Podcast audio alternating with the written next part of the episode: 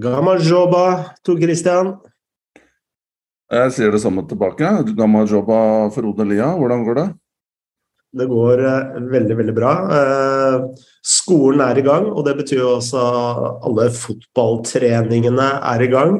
Og selv om det var en eh, stor norsk fotballkveld i går, så ja, trente jeg et juniorlag, og jeg trente et barnelag, og jeg fulgte et annet barnelag til kamp.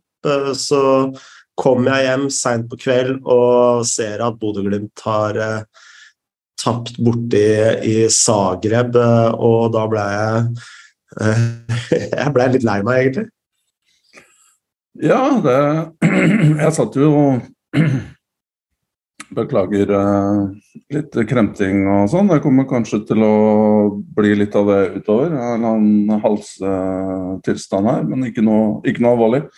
Um, nei, jeg satt jo og så på kampen her. Um, og det er jo Ja, som du sier, det er jo trist. Vi hadde jo muligheten her til å få et nytt uh, norsk lag i Champions League-gruppespill igjen, som Ja, etter den reformen de gjorde for, for noen år siden, hvor det ble, nålet ble enda trangere for, for uh, lag fra på en måte mindre land, så ville det jo nesten vært et mirakel om, om vi skulle fått et, eh, et norsk lag inn der. Men det var jo så nære på. og det var jo Jeg Syns jo over to kamper så syns jeg jo egentlig Bodø-Glimt var det bedre laget, eh, må jeg si. Sånn totalt sett. Og jeg syns jo Jeg syns de var modne og ja, hadde fortjent egentlig bedre enn den Kaldersen som kom der tre minutter før eventuelle straffer, da, som jeg også hadde troa på at Bodø-Glimt, uten noe faglig belegg på det, egentlig, men jeg syns Bodø-Glimt-spillerne så mer håper å si, Ok, de så slitne ut, kanskje, men det er jo, Dinamo Zagreb-spillerne så jo mer nervøse ut, syns jeg. og Det var mye kjefting spillerne imellom. Og, um, så jeg hadde kommet til straffer, så tror jeg kanskje så har det i hvert fall vært god mulighet for at Bodø-Glimt hadde klart det. Men du får jo en kjempebonus, på en måte, eller kjempeplaster på såret, da, blir jo riktig å si, med Europaligaen. Um, men jeg vil bare, før vi, før vi går videre, Frode, så vil jeg egentlig bare ha sagt et par ord om den debatten som har vært uh, både på sosiale medier og for så vidt i media. Dette, dette er jo ikke noe kritikk av medier sånn sett, fordi de vil jo bare ha diskusjon og og at folk uttaler seg, er jo bra for dem. Mm. Eh, men, men, men, jeg bare føler den debatten som har vært i, i, i Norge nå med, med Bodø-Glimt, uh, hvorvidt man holder med Bodø-Glimt eller ikke, uh, det er noe av det mest absurde jeg, jeg i hvert fall har vært borti. Og jeg forstår egentlig ikke altså, hva slags nivå er det der. Og, uh, altså hvorfor skal man hele tiden bry seg om hva andre mener og hvem andre holder med? Det må jo være en 100% personlig sak. Og så skal man på en måte gå ut og kritisere de som holder med Bodø-Glimt, så skal man kritisere de som ikke holder med Bodø-Glimt. Mm. Altså det er barne, Du snakker om skole og barnelag og sånne ting. Det, dette er jo liksom på et nivå som du lurer på Er det voksne mennesker som sitter bak disse tastaturene her? Og så begynner trenere i Norge å koble seg på. Det, liksom, den tiden hvor man hadde mulighet til å si dette her har jeg ikke noe formening om, og jeg fokuserer om min klubb, er, det liksom helt umulig å få til? Jeg bare syns det er veldig, veldig rar diskusjon. Og syns det er merkelig at, den, at folk gidder å på en måte henge seg på den. Ja. Nei, jeg syns jo det er uh, veldig morsomt, uh, selv om jeg er jo Altså, jeg er en Vålerenga-mann uh, tvers igjennom, men altså, det er jo gøy med norske lag fordi Altså, vår gode venn Alexander uh, Skau har vel uttalt noe sånt som at ingen heier på en ko... Hva kaller man det? Koeffisient? Mm -hmm. Ja. Men jeg gjør det. Jeg gjør det. Jeg syns det er bra når Norge er uh, høyt oppe på klubbrankingen, for jeg veit det har så mye å si for uh, norsk fotball, og ikke bare toppfotball. Altså, norsk fotball henger sammen sånn at uh, altså, den tiden Rosenborg gjorde det veldig bra, så altså, det, det, hadde ring, ringeffekter utover hele, hele Fotball-Norge. Altså, Eh, plutselig kommer Jon Carew fra Vålerenga, og det drypper med penger der. og ja. Så det, det gagner eh, hele norsk fotball, og det, det, er noe jeg heier på. Ja, ja. Jeg var egentlig mer Det, var egentlig debatten jeg diskuterte meta, metanivå. Uh, og jeg, det, bare, det poenget jeg skulle fram til, er at jeg på en måte forstår ikke hvorfor noen mennesker skal blande seg borti hva andre gjør, eller holder med. Det liksom ligger helt fjernt i min logikk at jeg liksom skal mene noe om hva andre Og det syns jeg er også sånn norsk fenomen. Nå skal jeg slutte den ranten her, men jeg, jeg, ser også hele tiden sånn i, i media hvor hvor uh, trenere og Altså at supportere mener om andre klubber, det er jo en del av på en måte hele økosystemet da, til supportere. Du skal heie på ditt lag, og så skal du jo selvsagt også rakke ned på andre. Det har jeg jo full forståelse for, og det er jo bare moro. Eh, men det jeg også syns er veldig spesielt da, i Norge, det er jo at, og jeg nevnte før for observante lyttere, det er jo at um, det er en sånn stor trang, spesielt blant fotballtrenere, at man skal mene noe om andre hele tiden. Jeg vet ikke om det er en sånn norsk greie. Uh, hvor jeg vet ikke om jeg liksom skal liksom prate om naboen hele tida og stå ved gjerdet til uh, og, og, kikke og er, liksom, uh, det er så provinsielt, da. Så kanskje noen hadde hatt godt av å bo i en storby da, i noen år, og så på en måte la seg mikse inn i millioner av mennesker hver dag, sånn at du slapp liksom å henge deg opp i andre folk sine liv og andre folk sine bedrifter. Og jeg syns det er så spesielt at i Norge at man hele tida skal mene om hva andre gjør.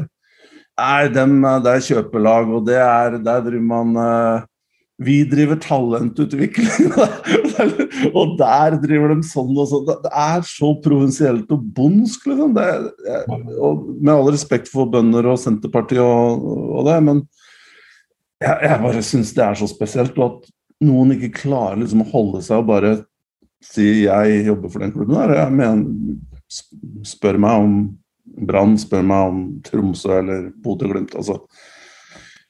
Det er bare et fenomen jeg, jeg eh, stusser veldig over.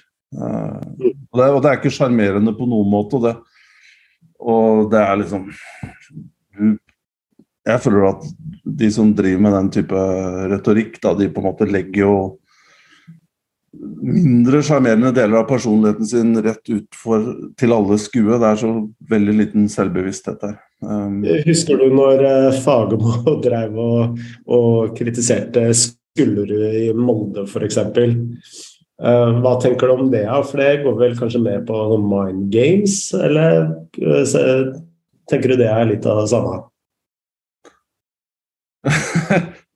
Nei, du mener Erling Moe, da. Eh, det var vel nå Nei, altså da Skullerud var eh, trener, så hadde han noen kommentar til Skullerud at ja, okay. Eh, det å trene Molde var verdens enkleste jobb. Det ja. kunne Nei, altså Jeg forstår jo Men det var noe på vårparten her i seriestarten hvor Erling Moe og Fagermo skulle sånn utveksle noen ord om måten de jobba på. Uh, og det ble veldig, veldig kleint. For det, det, på en måte det, er, det blir så Du må mestre den uh, Det er så mange gråsoner her, og mange linjer du må klare å tråkke på en måte navigere der langs. Og, så mm. for at du skal klare å gjøre. Du må ha litt elegans i det. Da. Så det blir det er så, Jeg tror ikke det ligger naturlig til nordmenn å, å drive med, med det. Og de forsøkene jeg har sett på Mind Games, blir, i hvert fall i mitt hode, da, blir ekstremt uh, patetisk, syns jeg. Uh, ja. men, uh, men, mitt utgangspunkt er jo hvorfor snakker man ikke om det man selv driver med? Og, og Norge er altfor lite land også til at disse mind gamesene skal på en måte ha noen effekt. Det er noe annet når Wenger og Mourinho driver og uh, styrer med hverandre. og dette går liksom i ekko i dager og uker. Mm. Men uh, Norge er det jo ingen som bryr seg når alt kommer til alt, så det blir bare dumt. Men uh, for å avslutte Glimt, da. Det å gjøre det så bra etter å ha solgt så mange spillere ut av Glimt og ut av Norge, og erstatta dem, er jo mildt sagt imponerende. Ja, ja, ja. Er, ja, ja. Vi har jo snakka om dette her i på en måte um, Samtidig som Bodø-Glimt-bølgen har på en måte bare fortsatt å hive seg fremover. Og jeg har jo, jeg har jo venta på at den skal stoppe på et eller annet tidspunkt. At dette her At det blir for vanskelig å opprettholde den systematikken der som du, eller mekanismen da, som du sier der. Det å klare å prestere mens man er under transition hele tiden. Mm. Og man, man, mister spillere fordi man gjør det veldig bra og har gode resultater og attraktive. Ok, de vinner ikke serien i år med Hvor mange poeng var det de vant med her? Eh, det var kanskje ikke i fjor, men året før var det i hvert fall veldig stort forsprang. De kommer jo ikke til å gjøre det i år, men eh, det er jo allikevel utrolig imponerende. og uh, og, og samtidig skal du være med i Europa League, som Vi må ikke så veldig mange år tilbake før det var liksom stor hallelujastemning i Norge fordi Rosenborg var i, gruppespill i Europa League. Mm. Og vi må på en måte ikke la det bli en skuffelse fordi Bodø-Glimt ikke kom til Champions League. da. Det her er, blir allikevel veldig, veldig stor stas. Eh, det ble jo spilt en annen eh, storkamp eh, denne uka. Manchester United mot Liverpool, og jeg var jo så frekk og freidig, så spådde uh, Ten Hags avgang uh, allerede etter to kamper, og nå, jo, nå er DM-en min full av spørs, spørsmål fra folk som lurer på sitter Ten Hag fortsatt utrygt. Eh, jeg tar den. Eh, den tar jeg. Uh, og vi har også fått et spørsmål fra Bjørn Rudsagen, som lurer på hva skjer i Liverpool? For mange skader, eller er det andre grunn, grunner til at det er litt shaky sesongstart? Ja, vi kan jo, jeg syns jo vi bør starte med Manchester United, i og med at vi har på en måte Det har vært et tema over det siste, over sommeren her.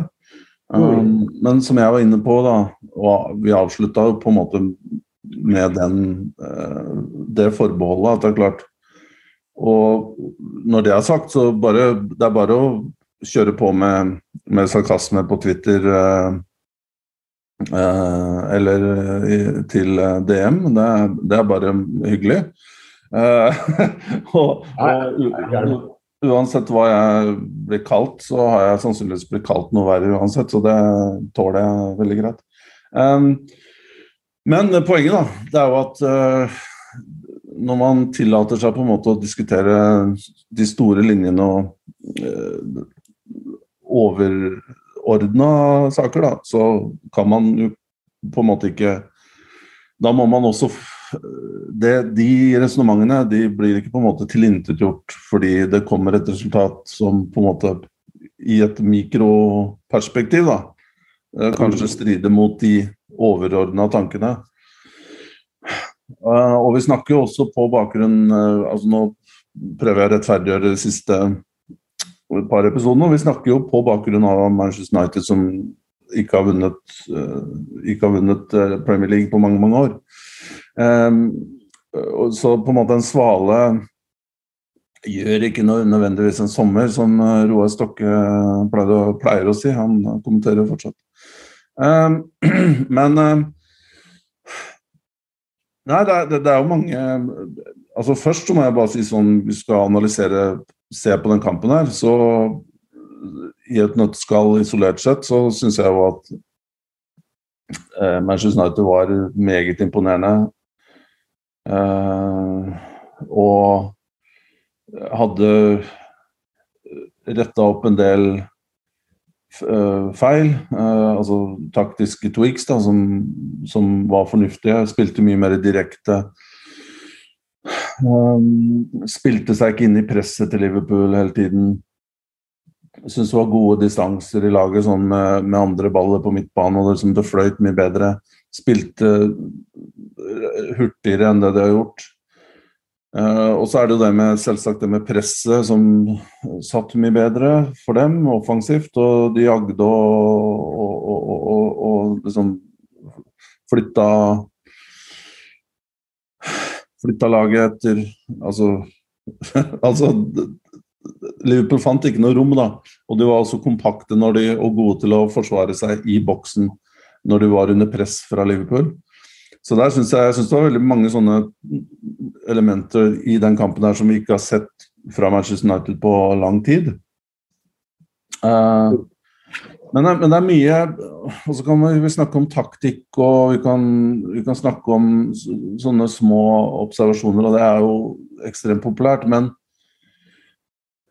Uh, motivasjon er også undervurdert i fotball. Da. Og det er, det er, litt sånn når du Det må være på plass da, for at alt det andre skal fungere. Mm. Altså, du må være motivert, og du må kunne utføre viss, en viss arbeidskapasitet for å klare å implementere taktiske eh, konsepter. Spesielt da Ten Hag, som går ut på som, som, går ut på at du må være på en måte presse, og du må kunne spille ganske aggressiv fotball. og Da hjelper det ikke å være halvmotivert. da. Nei. Men jeg tenker jo at uh, ja, det var en imponerende forestilling fra Manchester United. Uh, men jeg tenker jo at de, de, problemene Manchester United har hatt nå over flere år, de er beviselig ikke løst. Du kan jo sette på spissen og si at Ten Hag her tok opp taktikken til Ole Gunnar Solskjær, som han ofte brukte mot storlag som PSG og Liverpool i den første tiden, og at Manchester United er et godt kontringslag. Det har det jo vært, vært veldig lenge. Eh, så, så frispillingen og, og, de tingene som Manchester United har slitt med over lengre per perioder, det, det, har vi fortsatt ikke sett noe bevis på har blitt løst. Og så skal jo sies at uh, Ten Hag blir jo også fremstilt som en uh, tøff leder som tør å Eh, benke Cristiano Ronaldo eh, f.eks. Det skal jo sies at eh, Cristiano Ronaldo har også slitt med skader. Så jeg er ikke 100 sikker på at han var fullstendig klar til å starte den kampen heller. Så Og en annen ting Hadde denne kampen her blitt spilt for et år siden, så hadde den kampen endt 1-1. Og da tenker jeg på den VAR-situasjonen på, øh, på skåringen til Rashford. Til, Marcus Rashford. Så de var jo også, også, litt heldige, og så var de også ganske heldige å møte et Liverpool som må starte med Milner på midtbanen, f.eks. Så eh, det er jo ikke noe frisk melding av Manchester United eh, enda, men det, dette er jo en seier som kjøper Ten Hag arbeidsro. Og ja. Uh, ja. Ja, du får jo pusterom, og det trenger jo hele, hele organisasjonen. Mm. Um, og den negativiteten som har vært på en måte hele sommer Det var litt sånn honeymoon period. Uh, i begynnelsen av oppkjøringa. De slo jo slo Liverpool der i Var det Thailand eller noe sånt? Um, og da var det litt sånn honeymoon period med Ten Hag. og det var masse retweets eh, om at Ten Hag hadde satt, sagt ditt og datt til spillerne. Altså, egentlig ganske latterlige sånn elementære ting. Da, som 'Å, nå har vi en trener som gjør det og det og det'. Som jeg humra litt over. Men, eh, Men det, det, jeg skulle bare tilføre at eh, altså når jeg kritiserte Manchester United i forrige episode, så var det jo ikke i utgangspunktet Ten Hags uh, rolle som trener jeg, jeg, i utgangspunktet kritiserte. Jeg kritiserte dynamikken innad i Manchester United. Uh, og vi husker jo også tilbake hvor helhjerta The Glaciers stilte seg bak prosjektet til Ole Gunnar Solskjær.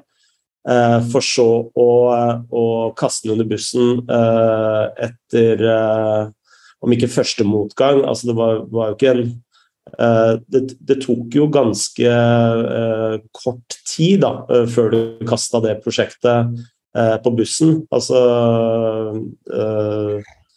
altså De ender på en andreplass, og så starter de sesongen litt dårlig. og det, jeg, jeg, tror jo ikke Glazers, når fingrene begynner å pekes på dem at eh, de eh, lar en sjanse eh, om å fremstå som reddende engler gå fra seg, uten at jeg tror at The Glazers anseelse i Manchester noensinne vil, vil være god. Så det er, det er mer dynamikken i klubben. altså Det er en dysfunksjonell klubb.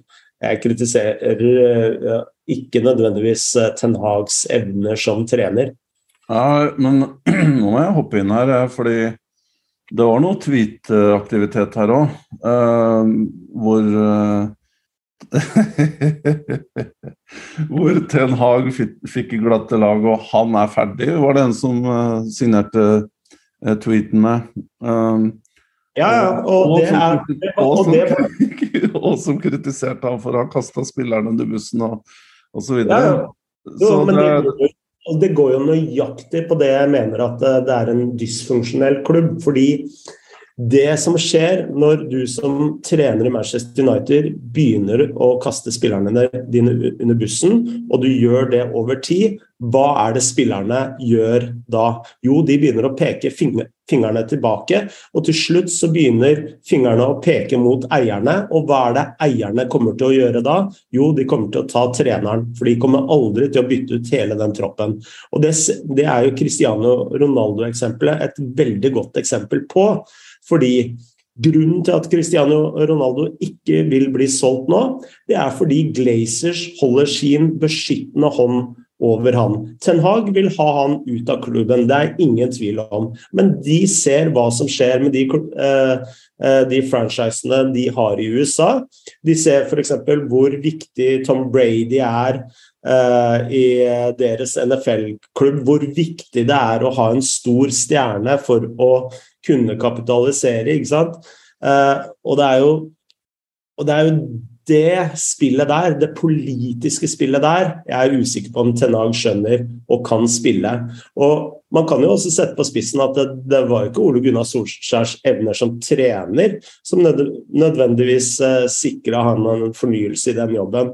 Det kan hende at uh, det var det liksom politiske spillet han spilte overfor eierne, som var det som trigga Glazers til å, å fornye kontrakten hans.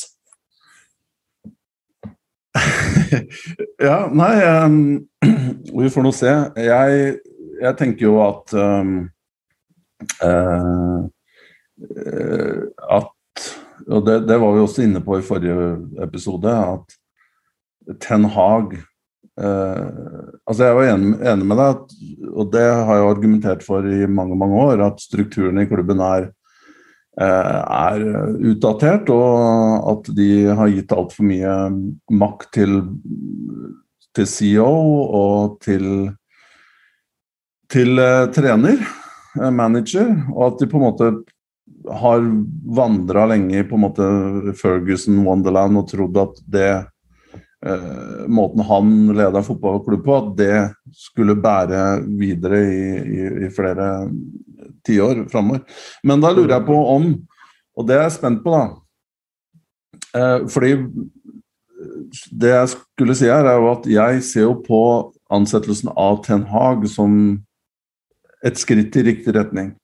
Men det er jo klart at det avhenger også av selvsagt uh, hvordan resultatene går også på kort sikt, og om man ikke får de gjeldende resultatene fort. Uh, om da man er tålmodig, da, sånn som du er inne på. Uh, om man da tør å stå i den stormen og gi Ten Hag den tiden han trenger til, mm. å, til å få implementert sine ideer og spillestil og sånne ting. Men, eh, men det, er, det, er, fortsatt, som du sier, da, det er mange spørsmålstegner. Nå har vi overgangsvindu.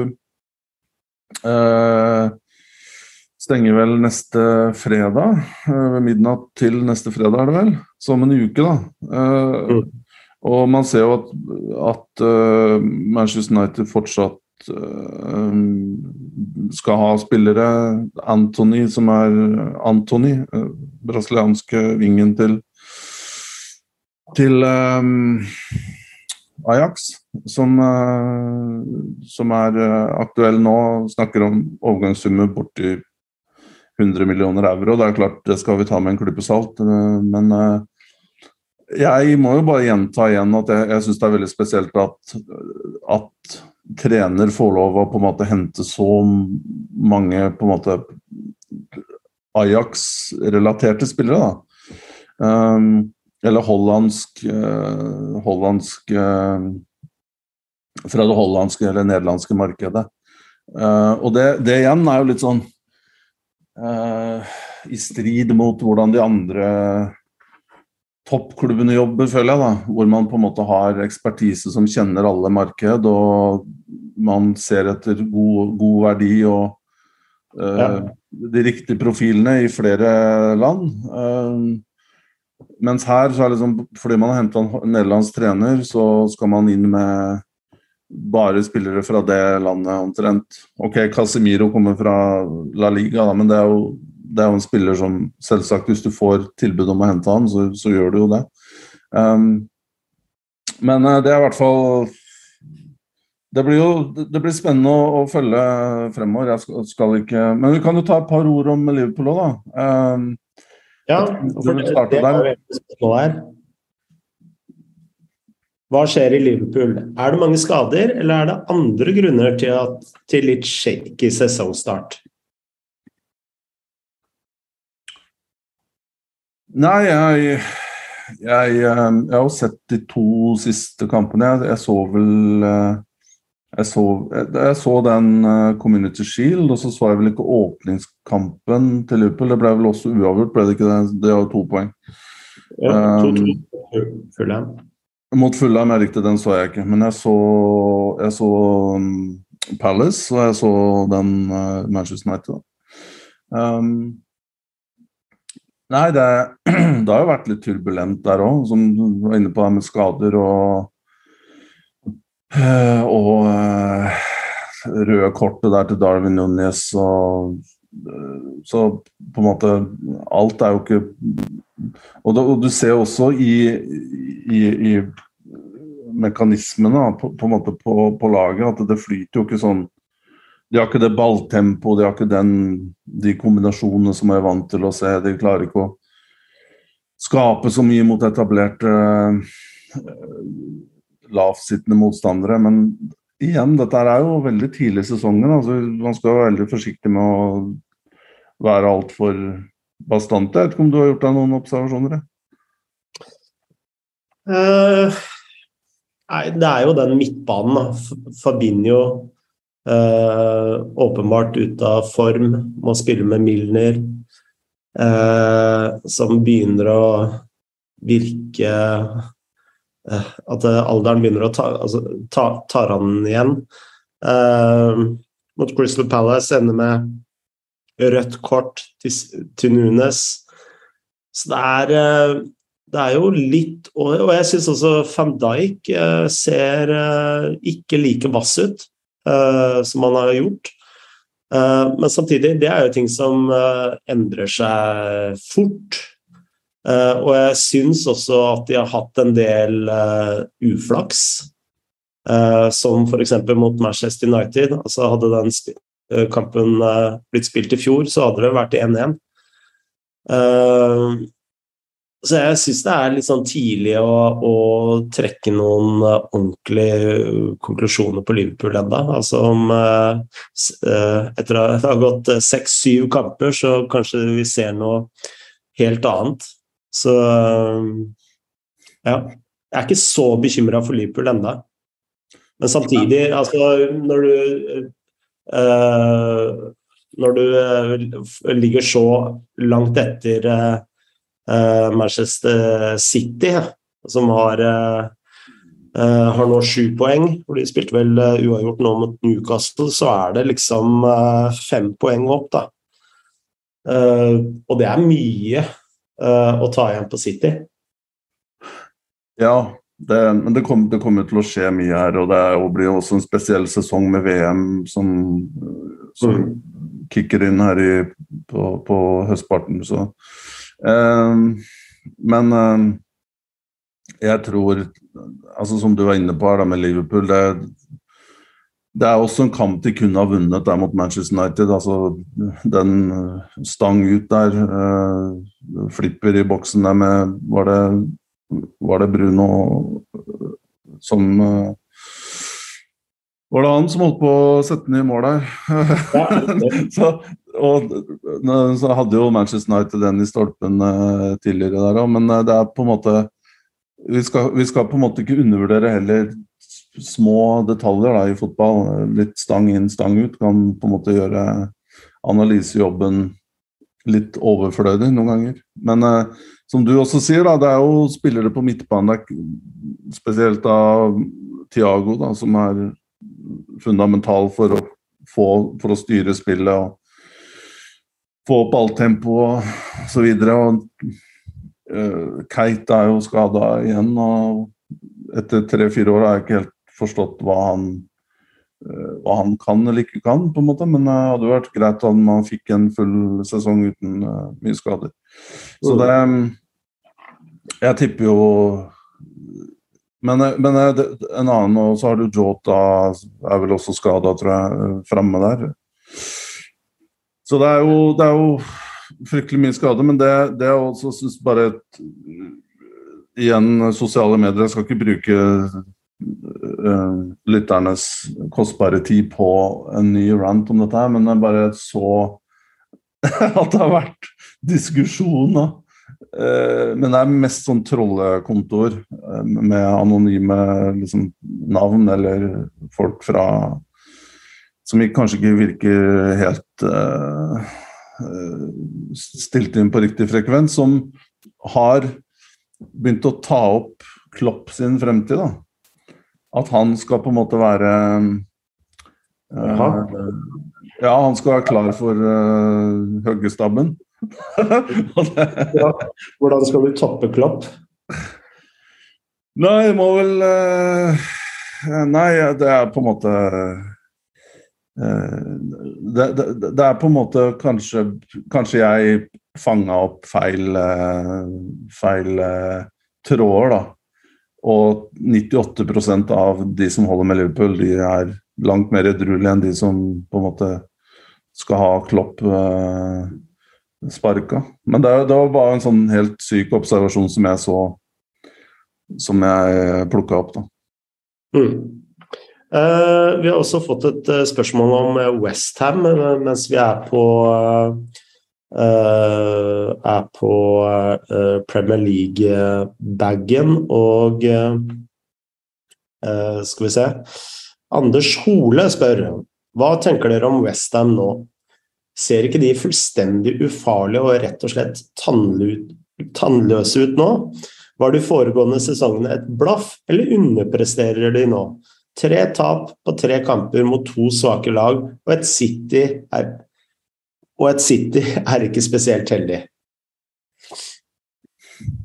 Nei, Du kan jo godt starte der, du som, er, eh, du som følger uh, veldig godt med på Westham. Nei, altså jeg tenker jo at uh, Det første jeg vil si, uh, det er at man undervurderer Brighton ufattelig, ufattelig mye. Uh, altså De taper 2-0 mot uh, uh, Brighton, men det skal også sies at Uh, eller man må også tillate seg å, å skryte, skryte, litt av motstanderne. For Brighton de føler jeg er litt på samme samme imponeringsnivå som Bodø-Glimt, på en eller annen måte. Altså, det er et sånn maskerin som er, maskineri som er ufattelig imponerende å se på. Eh, og Welbeck f.eks. ser ut som en eh, million dollar. Eh, McAllister ser ufattelig god ut. Altså de, og så har du jo Caicedo på midten der også. Så man må også gi litt sånn kreditt til, til, motstanderne sine. Og Brighton tror jeg er et så bra lag at de kommer til å klare topp seks i år. Eh, men ja, altså de, de ser ut som de ikke henger helt sammen, Westham. Uh, også, og de ser ufattelig tunge ut på Særlig Solsjek ser ufattelig tung ut på midtbanen her. Uh, det samme gjør egentlig Rice. Det ser ut som de bare løper imellom hele tiden. men når du ser på, på det laget der, så er det jo et veldig, veldig godt lag. Uh, så jeg tror også det er litt for tidlig å begynne å avskrive Westham på noe som helst måte. og uh, Apropos manager som, eller supportere som krever managers hode på, en, på, et fat, så er jo veldig mange supportere som vil ha bort Moyes, og det syns jeg også er veldig prematurt. Ja, i hvert fall uh, etter tre kamper. Um, men jeg, jeg, er enig med deg. og uh, Jeg har ikke sett uh, nok av Westham denne sesongen her til å ha noe til å ha noe sterk formening om det som skjer der, egentlig. Um, bare observasjonen at Og jeg er enig med deg at de, de har jo kanskje den beste stallen som jeg kan huske på lang tid, egentlig. Mm. Uh, du må vel nesten tilbake til sånn Harry Rednap uh, Pablo, Pablo Fotere Ra, Florin Raduchoyo altså, Pablo Di Canio, den, den uh, perioden her, for å finne, matche dette her. Og det De har jo brukt også en del penger, og de har fått inn på en måte sånn halvveis stjernespillere. Kerer uh, var det Emerson um, kom jo. Um, og så har du jo Du har jo Rice, som er en uh, superspiller, og uh, Skamakka på topp der, som på en måte Det har kanskje vært litt av problemet til Westham, at de ikke har hatt en målskårer som kan garantere 15-16 mål. Det har vært Antonio har double figures så vidt, og du, du får en del mål av Bowen, og du får Ben Rama på midtbanen der som bidrar med kreativitet. og Til og med Solsjek har jo skåret uh, mål. Men uh, Skal man hadde ikke starta en kamp ennå?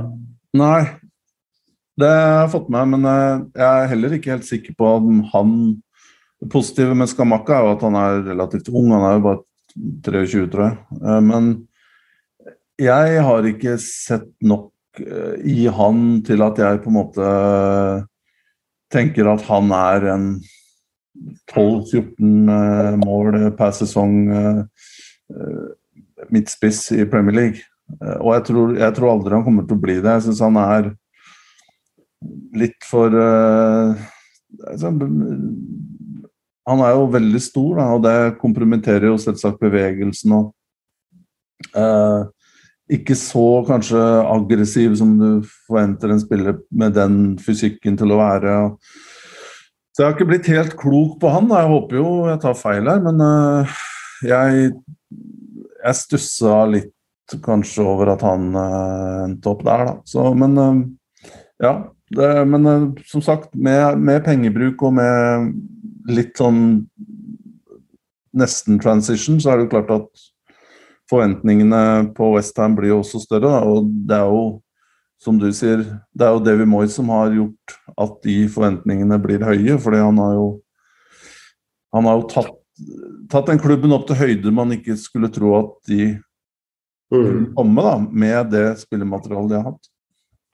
Mino Raiola han uh, gjorde et intervju uh, et par, uh, for et par år siden, og han sa det at han aldri kom til å hente, eller flytte, som han kalte det, en, en italiensk spiss. Ung italiensk spiss til Premier League igjen. Fordi han mente at det presset særlig italienske spisser får når du går til England, eh, blir så stort da, hvis du ikke lykkes med en gang. Altså, du vil ikke få noe eh, Du vil ikke få noe gratis, og du vil ikke få noe tid. Så det skulle han aldri gjøre igjen, uh, uttalte han. Nei, han, uh, han har nok uh, Hadde vel noen erfaringer da, som gjorde at han konkluderte med det. Men det har jo vært mange, mange eksempler opp gjennom tidene. og Du kan på en måte nevne i, i fleng. da. De som, mm. Det er vel nesten bare han Hva het han som var i Southampton, italiensk spiss som er i Kina nå? Pelle. Det er vel kun han som har på en måte lykkes til en viss grad. Da. Resten har jo vært, vært uh, skuffende. Hva, hva, hva, het han italienske rav, uh, italienske spissen i Middlesbrough igjen? Ravanelli, ja. Ravanelli, ja. ja. Han var kul. Han var gøy. Uh, vi har fått et spørsmål fra Alex uh, Knutsen. Bayern og PSG vinner henholdsvis 7-0 og 7-1 i helgen, og spaserer mest sannsynlig mot nok et ligagull i løpet av april-mai neste år. Hva gjør, gjør, dette med ligaer som den franske og tyske på sikt skadelig, eller må man finne en plass i hierarkiet som klubbene bak de store?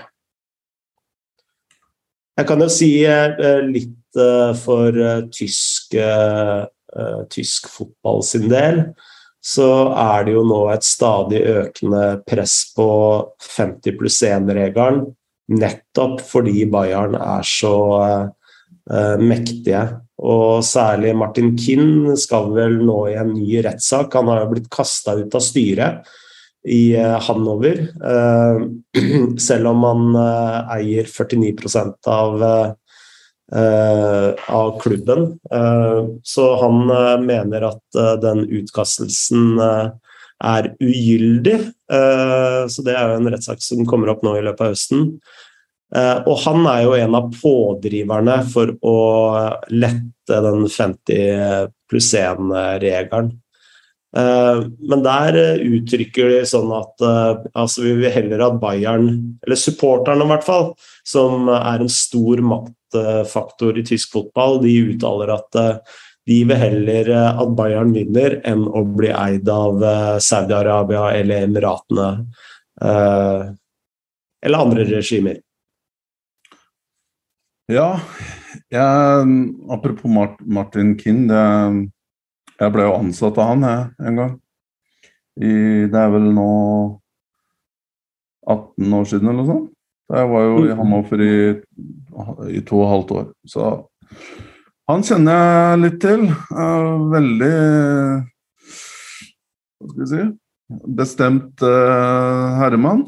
Uh, og du har jo helt rett at han har vært i mange år pådriver for å for å åpne for, eh, for investorstyrte klubber. Da.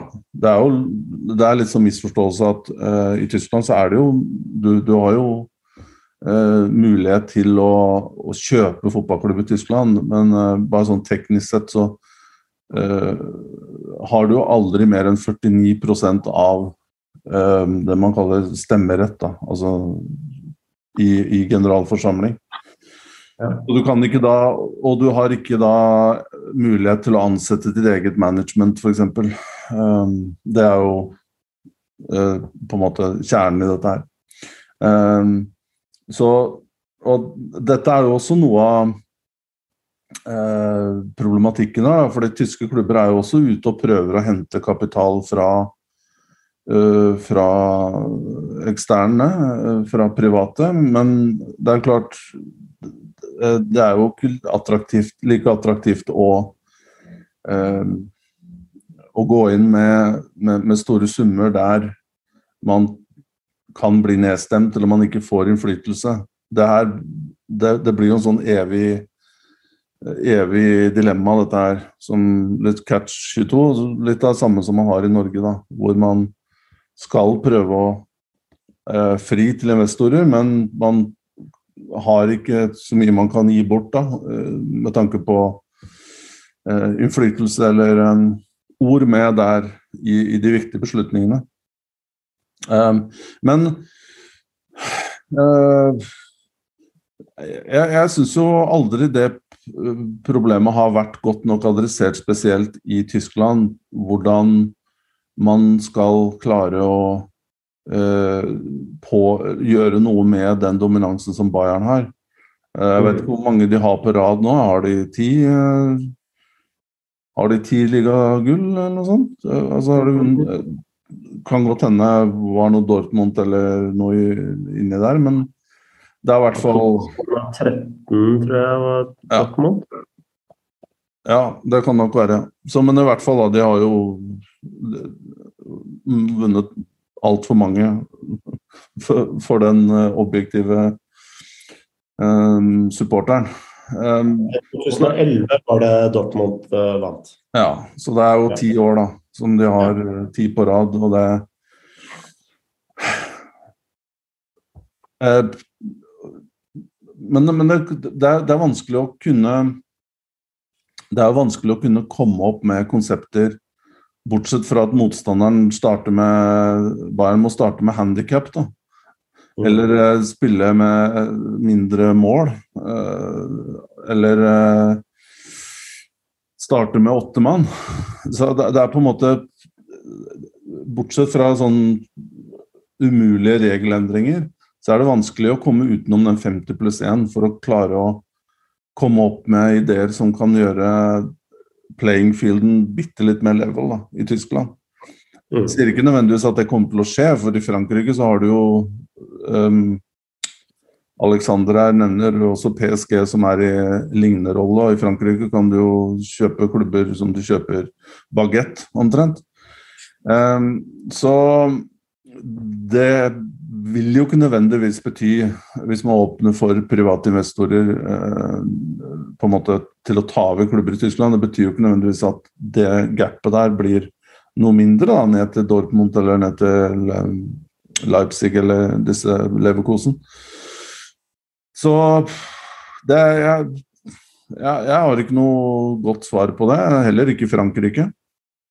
Uh, Kanskje håpet der er vel at uh, på et eller annet tidspunkt at bare hele suppa der skal bare implode, da.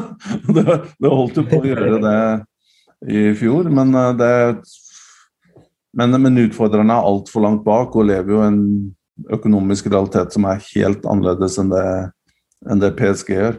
Kanskje i framtiden at eh, disse eierne fra Qatar mister interessen etter VM, eh, og så skal de inn og gjøre noe annet et annet sted, og da muligens eh, mister PSG litt av Eller mye av eh, ja. av eh, støtten derfra. Der så vil ting på en måte normalisere seg litt igjen. Men jeg vet ikke hva du tenker om det her? Uh, jeg vil bare si et ord om eh, Paris Saint-Germain uh, og Christophe Galtier. Og vi har jo snakka veldig mye om dogmatiske trenere kontra pragmatiske trenere. Og altså, jeg kjente ikke så godt til Galtier før de siste årene, egentlig, og etter at han vant gull med Lill. Eh, men jeg så Lill eh, PSG, og jeg må jo si at jeg er eh, veldig positivt overraska over Galtier. Jeg trodde han var en sånn tradisjonell 4-4-2-trener, men så plutselig setter han opp laget som hvor alle spillerne får på en måte spilt i sine beste posisjoner på en Eh, på en måte.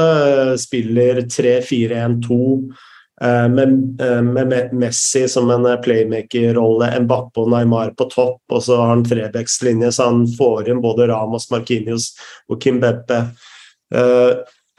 Og de bare kjørte over Lill en masse. Så ja, han imponerte meg skikkelig, må jeg si.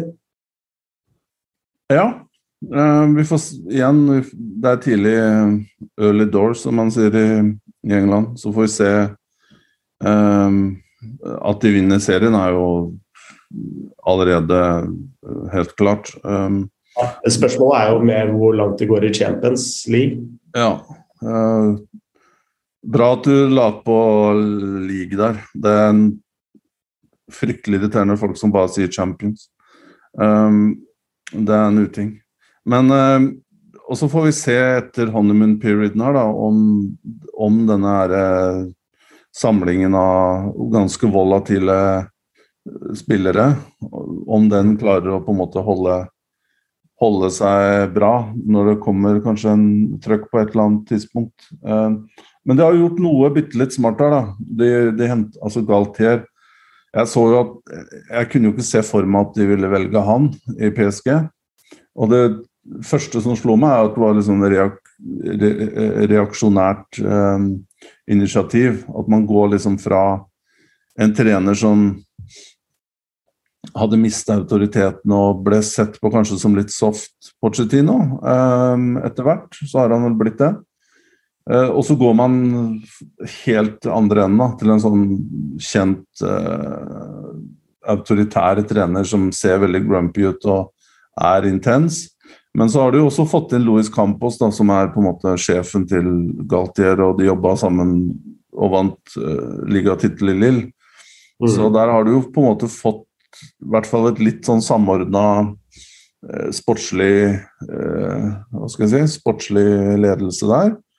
Uh, og det er nok også bra at spillerne vet at Louis Campos er på en måte over over Galtier, og at han beskytter sin mann.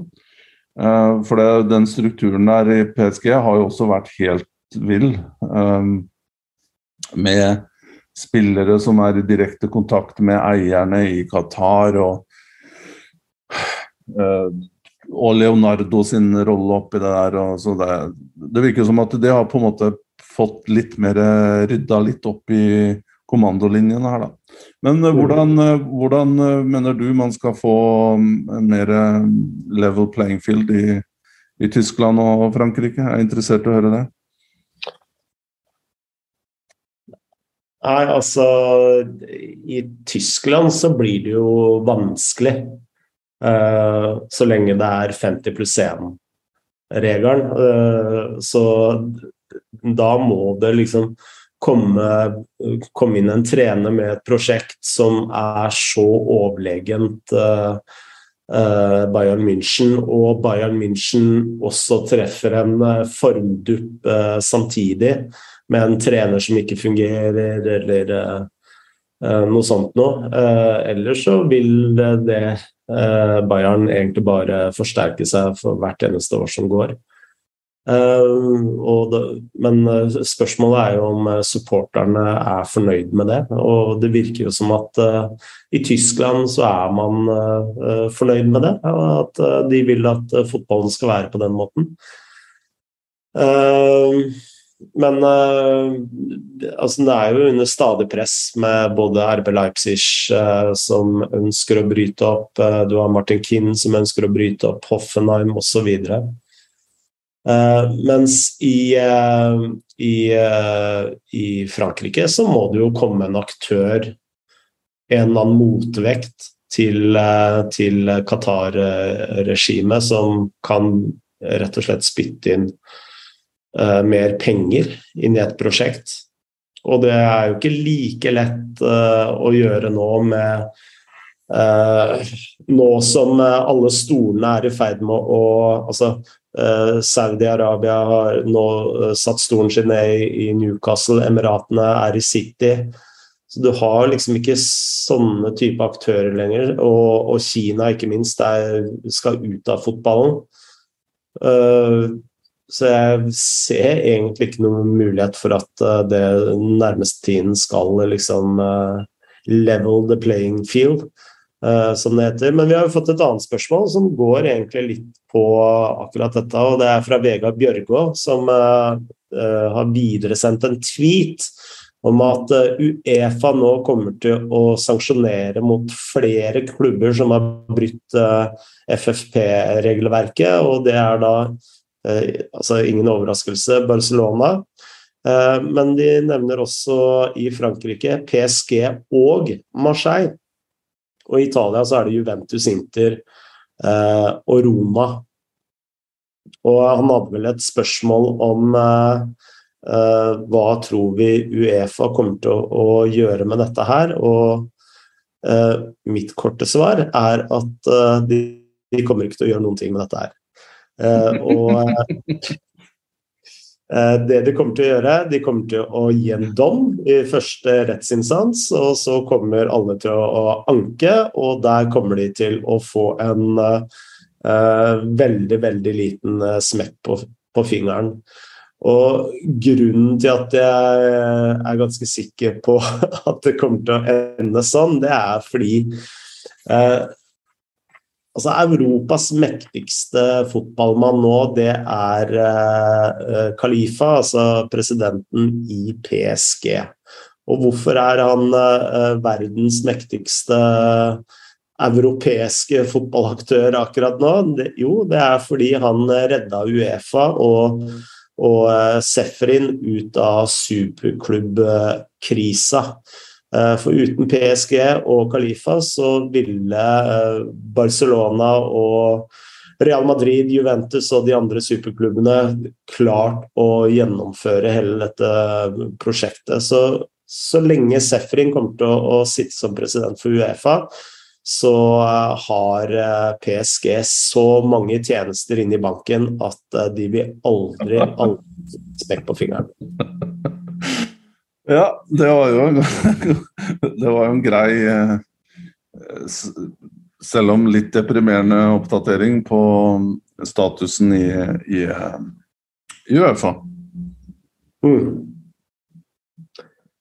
Bra. Eh, jeg lurer på om vi skal snakke om litt eh, italiensk fotball. Jeg. For vi har fått en del spørsmål om det. og Eh, vi har eh, fått et spørsmål om en georgisk eh, spiller, tror jeg. Hva gjør Kvarachikelia?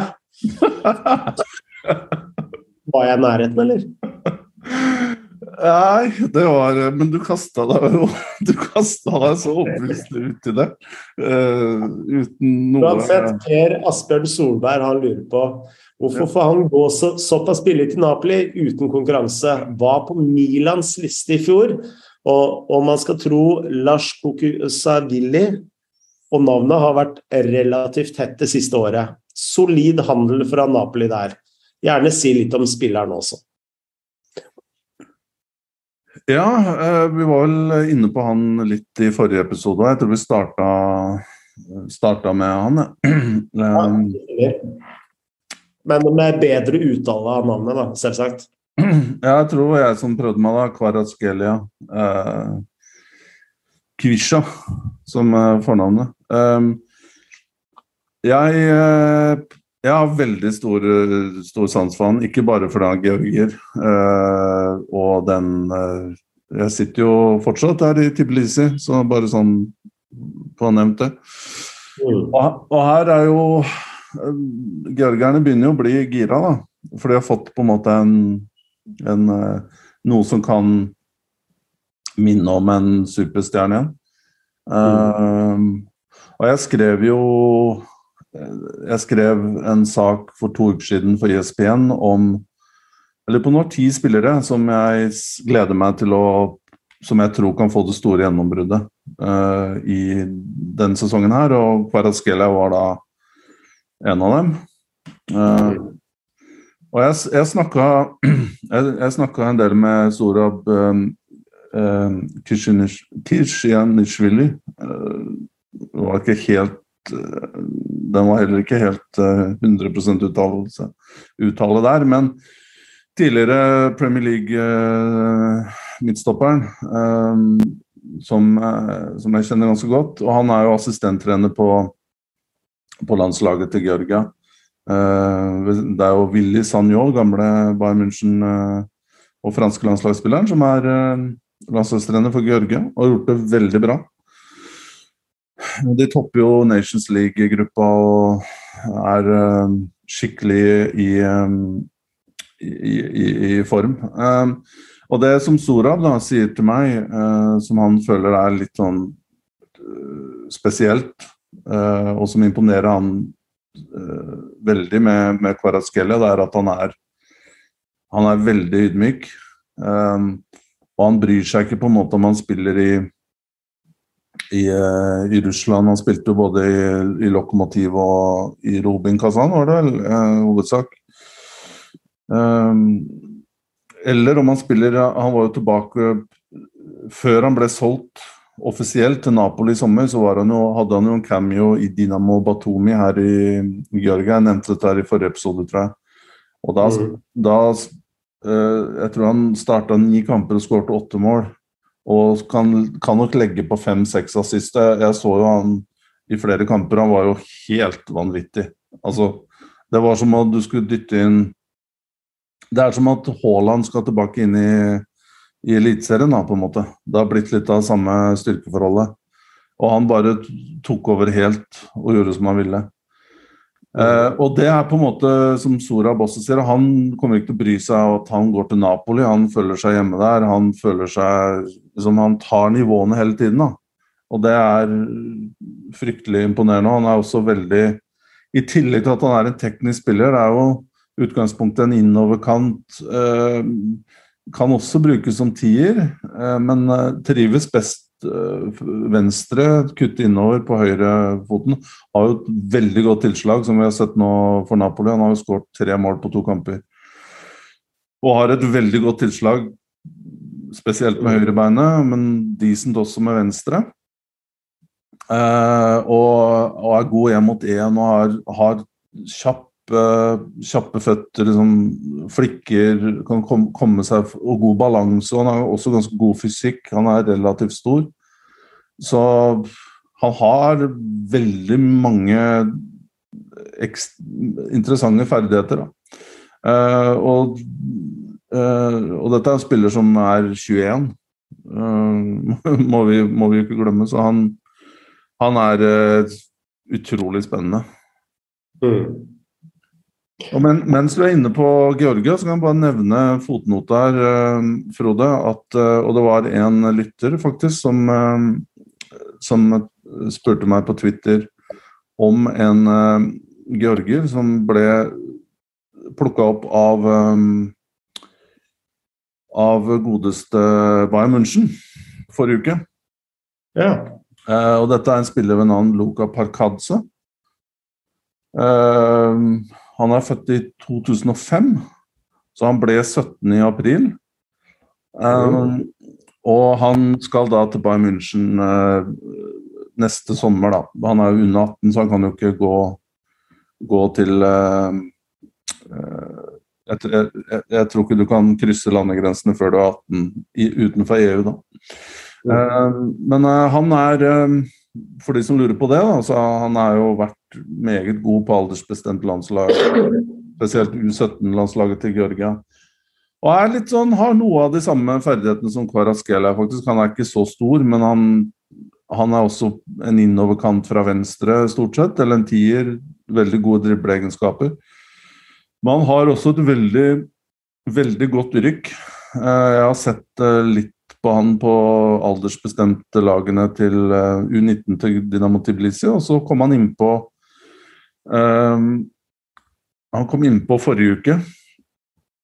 Uh, forrige helg kom han innpå som innbytter og første innhoppet uh, mot uh, De vant 3-0 Dynamo Tbilisi mot Dila Gori. Så jeg var og så jeg fikk sett, sett han fikk en knapp halvtime der. Så så det er, jo, det er jo, spennende at uh, Bayern uh, henter men, men, dette er jo en spiller som skal inn i ungdomsavdelingen til Bayern. Han skal jo ikke rett inn på førstelaget neste sommer. Men det er jo et navn å, å, å, følge med på hvis man går noen år frem i tid. Uh, når vi snakker om Napoli, så du presentasjonen av Leo Østegård uh, uh, på stadion, eller? Nei, det har jeg ikke fått med meg. Hva har jeg gått glipp av? Et monsterbrøl fra, fra Leo. og, og mannen med mikrofonen var jo mildt sagt sjokka, for vanligvis når spillere blir presentert, så er det et fint smil og, og hei og ha det. Men her var det full, full brøl. Forza Napoli! Ja. Ok, ja, ja. Eh, Gaucho han lurer på Vi må en tur til Serie A, sier han. Og det må vi jo. Eh, Vlavic får lite å jobbe med. Er laget for dårlig, eller? Allegri ut, ute av form? Di Maria, Pogba, Chiesa ute med skade sist kamp, som vi vet. Eh, Nei, jeg, jeg syns jo han svartmaler litt, eh, litt for mye her, gauchoen vår. Um, vi må jo huske på altså jeg, jeg, føler jo at det Juventus uh, stiller nå i år, er jo sånn eh, Utgangspunktet eh, ser litt mer lovende ut enn det som var tilfellet i fjor, kanskje. Hvor de hadde ja. en ganske dårlig sesong og ble nummer tre eller var fire. Men det, fire var det vel. Og, og var mid-table lenge der. Men jeg, nå, du slo jo Sassuolo i første kampen og var Selv om de var ganske dårlige første gang, jeg hadde på bare i bakgrunnen. Jeg så at Sassuolo hadde jo en del sjanser før Juventus i tradisjonell Juventus-stil. Liksom skårer mot uh, spillets gang, og, og da er de i gang. Men eh, og så har de jo ikke sluppet inn et mål ennå. Kanskje store spørsmålstegn med Juventus i år, da, det var jo litt uh, midt, midtforsvaret. Hvor, de, hvor Chiellini har, uh, har, ikke gått av med pensjon. Han har gått til Los Angeles, er det vel, og, og det likte ikke jo til Bayern. Og da er det jo for så vidt egentlig bare eh, godeste Bonucci av den gamle, gamle eh, gjengen som er igjen der. Ja. Uh, og så har de jo fått inn Bremer fra Torino, som er en ganske bra, bra spiller, syns jeg. Uh, stopper.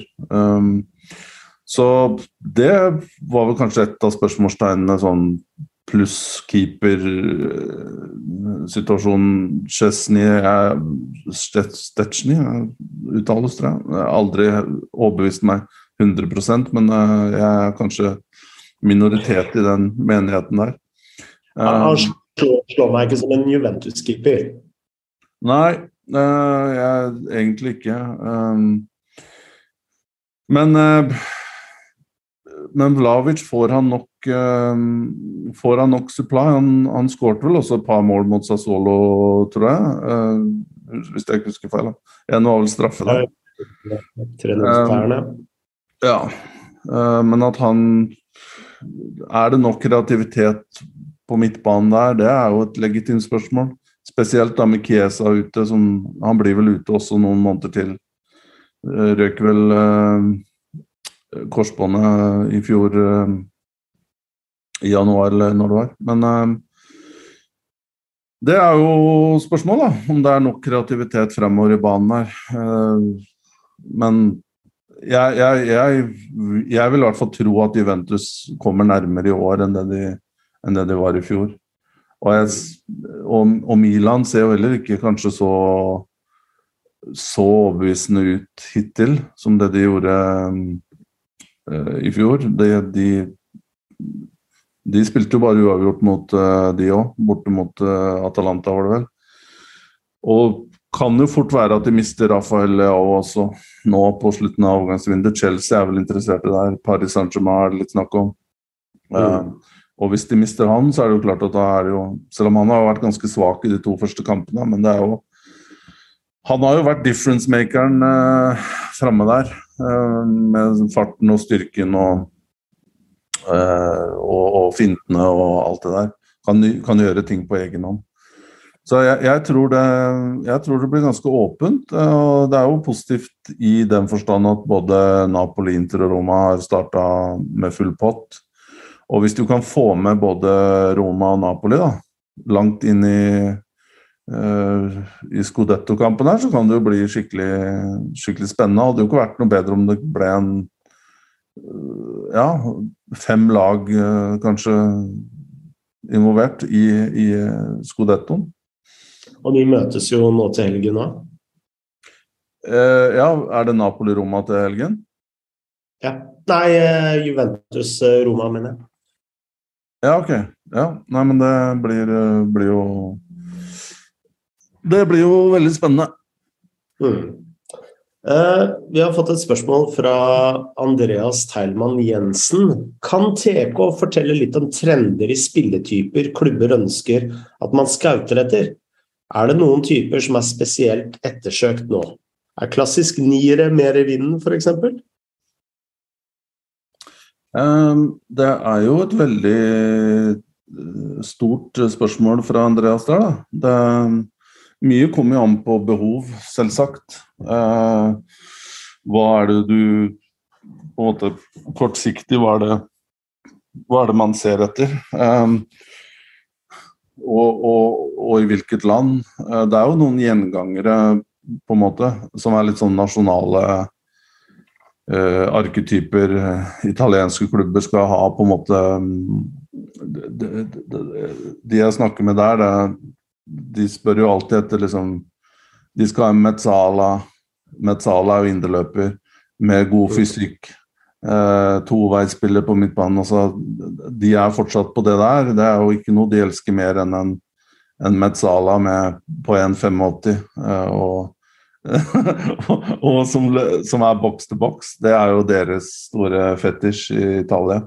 Ja. Så kanskje ikke så rart at Ja, si Christian Thorstvedt da, endte der, selv om han er litt kanskje ikke rendyrka Metzala-type, men uh, men har jo sånn liksom den fysikken og motoren da, som italienere er ute etter. Uh, så føler jeg at det, det, det, er jo disse altså, tekniske, kreative, offensive spillere er det mange som ser etter, selvsagt. Innoverkanter med litt som de vi har snakka om tidligere i, i, i, episoden her, da. Med, med disse én mot én uh, klare å skape ting på egen hånd. Litt sånn Louis Diaz-typer. Uh, uh, det, det er jo noe man ser etter, eh, selvsagt. Eh, ofte. Defensive midtbanespillere, igjen god fysikk, men som er, som er gode med ballen, eh, kan spille gjennom ledd, er vanskelig å ta fra ballen. Klare å vende, snu med ballen i beina og sånne ting. Og klassisk nier er vel også noe som er alltid interessant. Da. Altså, det å klare å putte ballen i mål, det er jo det fotball går, går ut på. Uh, og igjen, det er jo noe vi har snakka om tidligere, at uansett hvor du spiller i Europa, på toppnivå, uh, så er det jo så er det klubber som er villige til å kaste penger etter deg hvis du skårer mål. Så Eh, men eh, det, er vanskelig å finne da gode niere eh, som har Som er komplette. Nå, nå, nå, ser man jo altså Hvis du ser Haaland, så kan man jo si at han er veldig unik spillertype. Som, han har ikke bare fysikken til en nier, eh, ekstreme fysikken til en klassisk nier, men han har gjennombruddsstyrken til en nesten mer en second striker. Og han har farten til, eh, til en second striker. Og samtidig nå så begynner han å få litt av enda mer av disse flikkene, og mottaket begynner å noen ganger sitte litt bedre og klarer å bidra i disse kombinasjonene. Som mot Newcastle hadde han jo et par fiffige, fine detaljer der. Mm. Um, men det å finne finne den Han er jo unik, da. Altså det, det, er jo uh, Han kommer med veldig få få shortcomings, uh, eh, syns jeg. Han er veldig komplett. Eh, men hvis du ser andre typer nå, vi har prata om Darwin Núñez i tidligere uh, utgaver av Chivadze. Nå ser man at, at uh, godeste Alexander Isak er på vei til Newcastle. Den blir vel, uh, den blir vel offentliggjort i morgen, virker det som. Og det var jo også en ganske brutal sum. Jeg lurer på om det var 70 millioner pund eller noe sånt. Ja. Og, og, det er jo med all respekt for vår svenske bror, men han er jo ikke på Han er jo ikke langt nær på nivået til, til uh, Haaland. Nei. og han hadde en veldig god sesong, var det 2021 i, i, i Real Sociedad. Han skårte mye mål, men fjor var han jo svak, uh, syns jeg. Og han, og, han, er igjen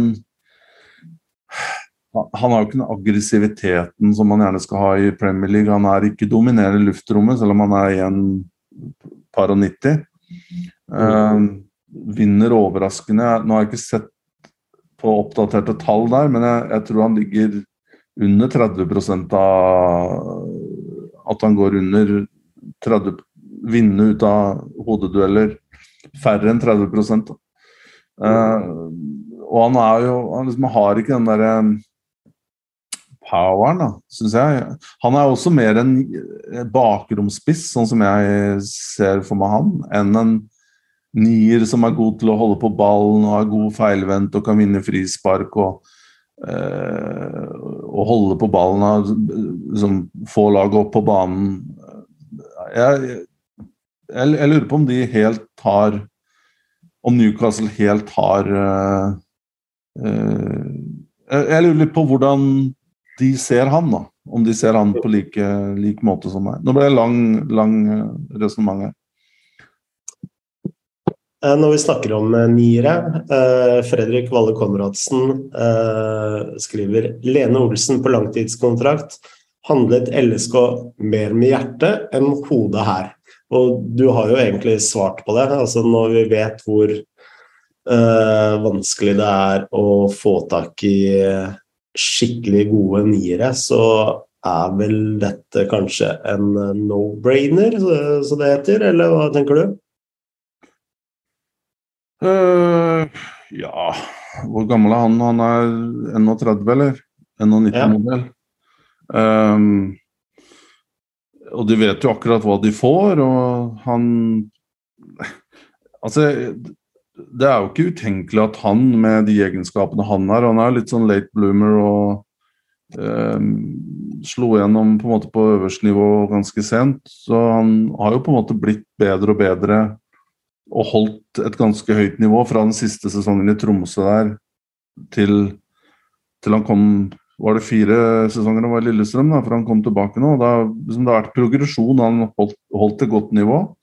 Mm. Um, så at han at han skal fortsette å skåre mål i Eliteserien i fire år til, til han er 35, det, det ser ikke jeg på som noe umulighet. Da. Det, det... Og jeg har sett eh, Lillestrøm uh, uten Akor Adams, og det er uh, sørgelige greier. Altså, de skriker etter en spiss til, for det de har bak Akor Adams og nå Lene Johnsen, det er, det er, for tynt hvis du skal kjempe i toppen av Eliteserien. Det må jeg bare ærlig innrømme. Du slo Sandefjord 3-0, da. Du fikk med deg det? Ja, ja. Gode på corner. Uh, men du trenger ikke spisser for å spørre på corner. Du trenger bare midtstoppere. Så ja. Men er ikke myte at uh, Lillestrøm er så gode på dødball, eller?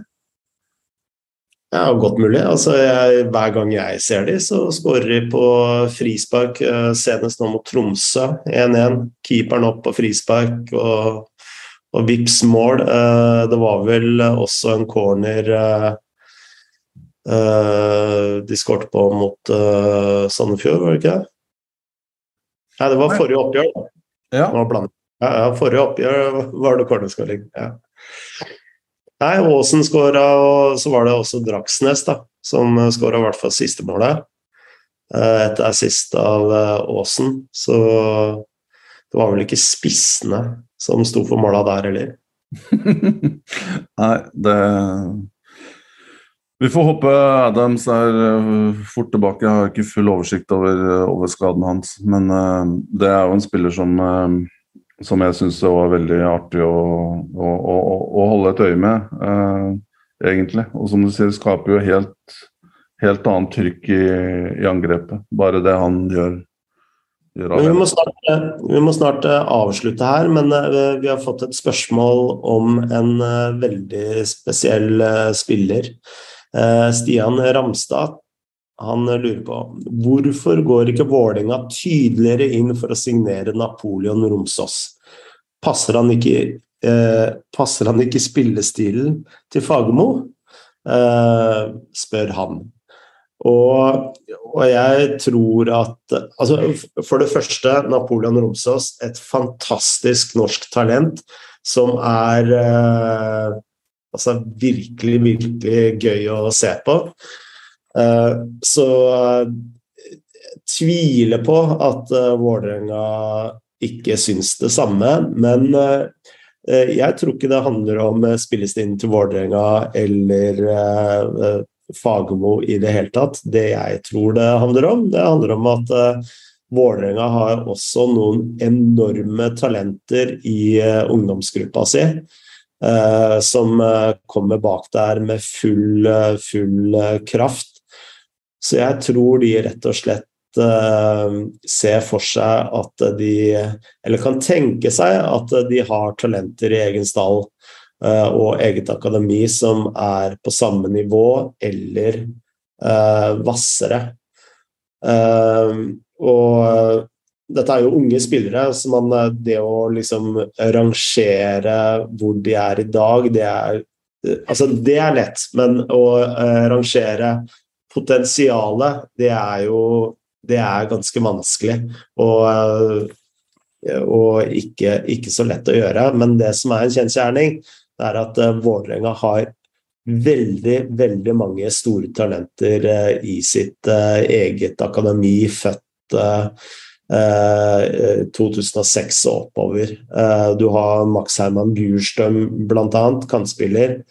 Vanvittig spennende, eh, som vi tenker har eh, noe av det samme potensialet som det Romsås har. Og, og, vi har jo også fetteren til Omar Ela og Moa og Mosse Abdullahi.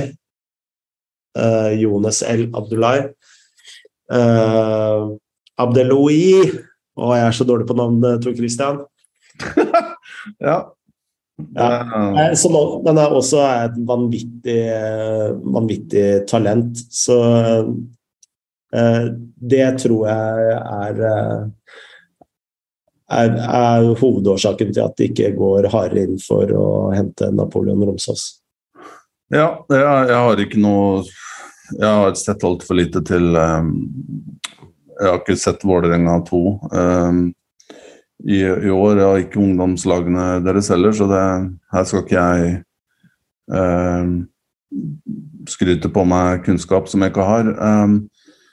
men men Apollon Romsås har jo på en måte uh, Det man kan si, da, det er jo at han har bevist på A-lagsnivå på et rimelig bra Eh, nivå i Obos at han er en produktiv spiller, og at han er en Giocatore vero, som man sier på italiensk. Han er en, han er en, han er en uh, fotballspiller, da. På en måte à la seniorspiller. Mm. Um, og det, det Så kanskje ut fra det synspunktet der, så er det kanskje bitte litt rart at Vålerenga som Eh, gå ut fra har en strategi om at eh, de skal være eh, klubben for Oslos største talenter og bygge så godt de kan rundt Oslo-spillere. At man da ikke henter han. Det, det, er også en måte å se det på. Da, at, at det kanskje er litt spesielt at, at um, når man ser at spilleren er moden, og det er jo sannsynligvis også en spiller som kan, kunne fått innhopp i Eliteserien i dag, uh, ut fra de kvalitetene han har. og Det han har prestert i Obos, da, på et ganske svakt Skeid-lag, så har han jo vært outstanding. Mm. Uh, jeg skal spille fotballkamp, så vi må, må runde av. Skal du spille, eller skal du stå på sidelinja og, og hoie? Jeg skal eh, stå på sidelinja og ikke hoie. Det er det verste jeg veit. Det er uh, foreldre og trenere i barnefotballen som står og hoier og skriker og belger seg. Altså Står du på sidelinja med barn under 14 år, skal du bare heie. Ikke noe annet. Ikke noe skriking, ikke noe kjefting. Og det er det altfor mye av. Ja, det var fornuftige ord å avslutte episoden med det, Frode. Mm. Uh, hjertet mitt blør hver gang jeg går på Ekebergsletta og på Norway Cup og ser unger som enten ikke får spille eller uh, blir uh, kjefta på av voksne og ja, ikke, ikke bra. Men det får bli våre siste, siste ord. Eh, jeg vil bare si at Vi har også fått et eh, ganske stort spørsmål fra Christian Andersen, eh, som lurer på om dette med mm, hvorfor så veldig mange norske klubber ikke slipper til unge, unge spillere til. Og Det tenker jeg det er et såpass stort spørsmål, så det må vi vie til neste episode. Høres det greit ut, Tor Christian? Ja, absolutt. Og det, det er jo, vi har jo faktisk fått flere spørsmål litt i samme, i samme gata. Så at vi kan ta en uh, oppsamling uh, kanskje neste uke på rundt uh, de temaene der, det høres jo veldig fornuftig ut. Bra. Da sier vi som vi alltid sier her i Shivatse, Gabajova og på gjenhør.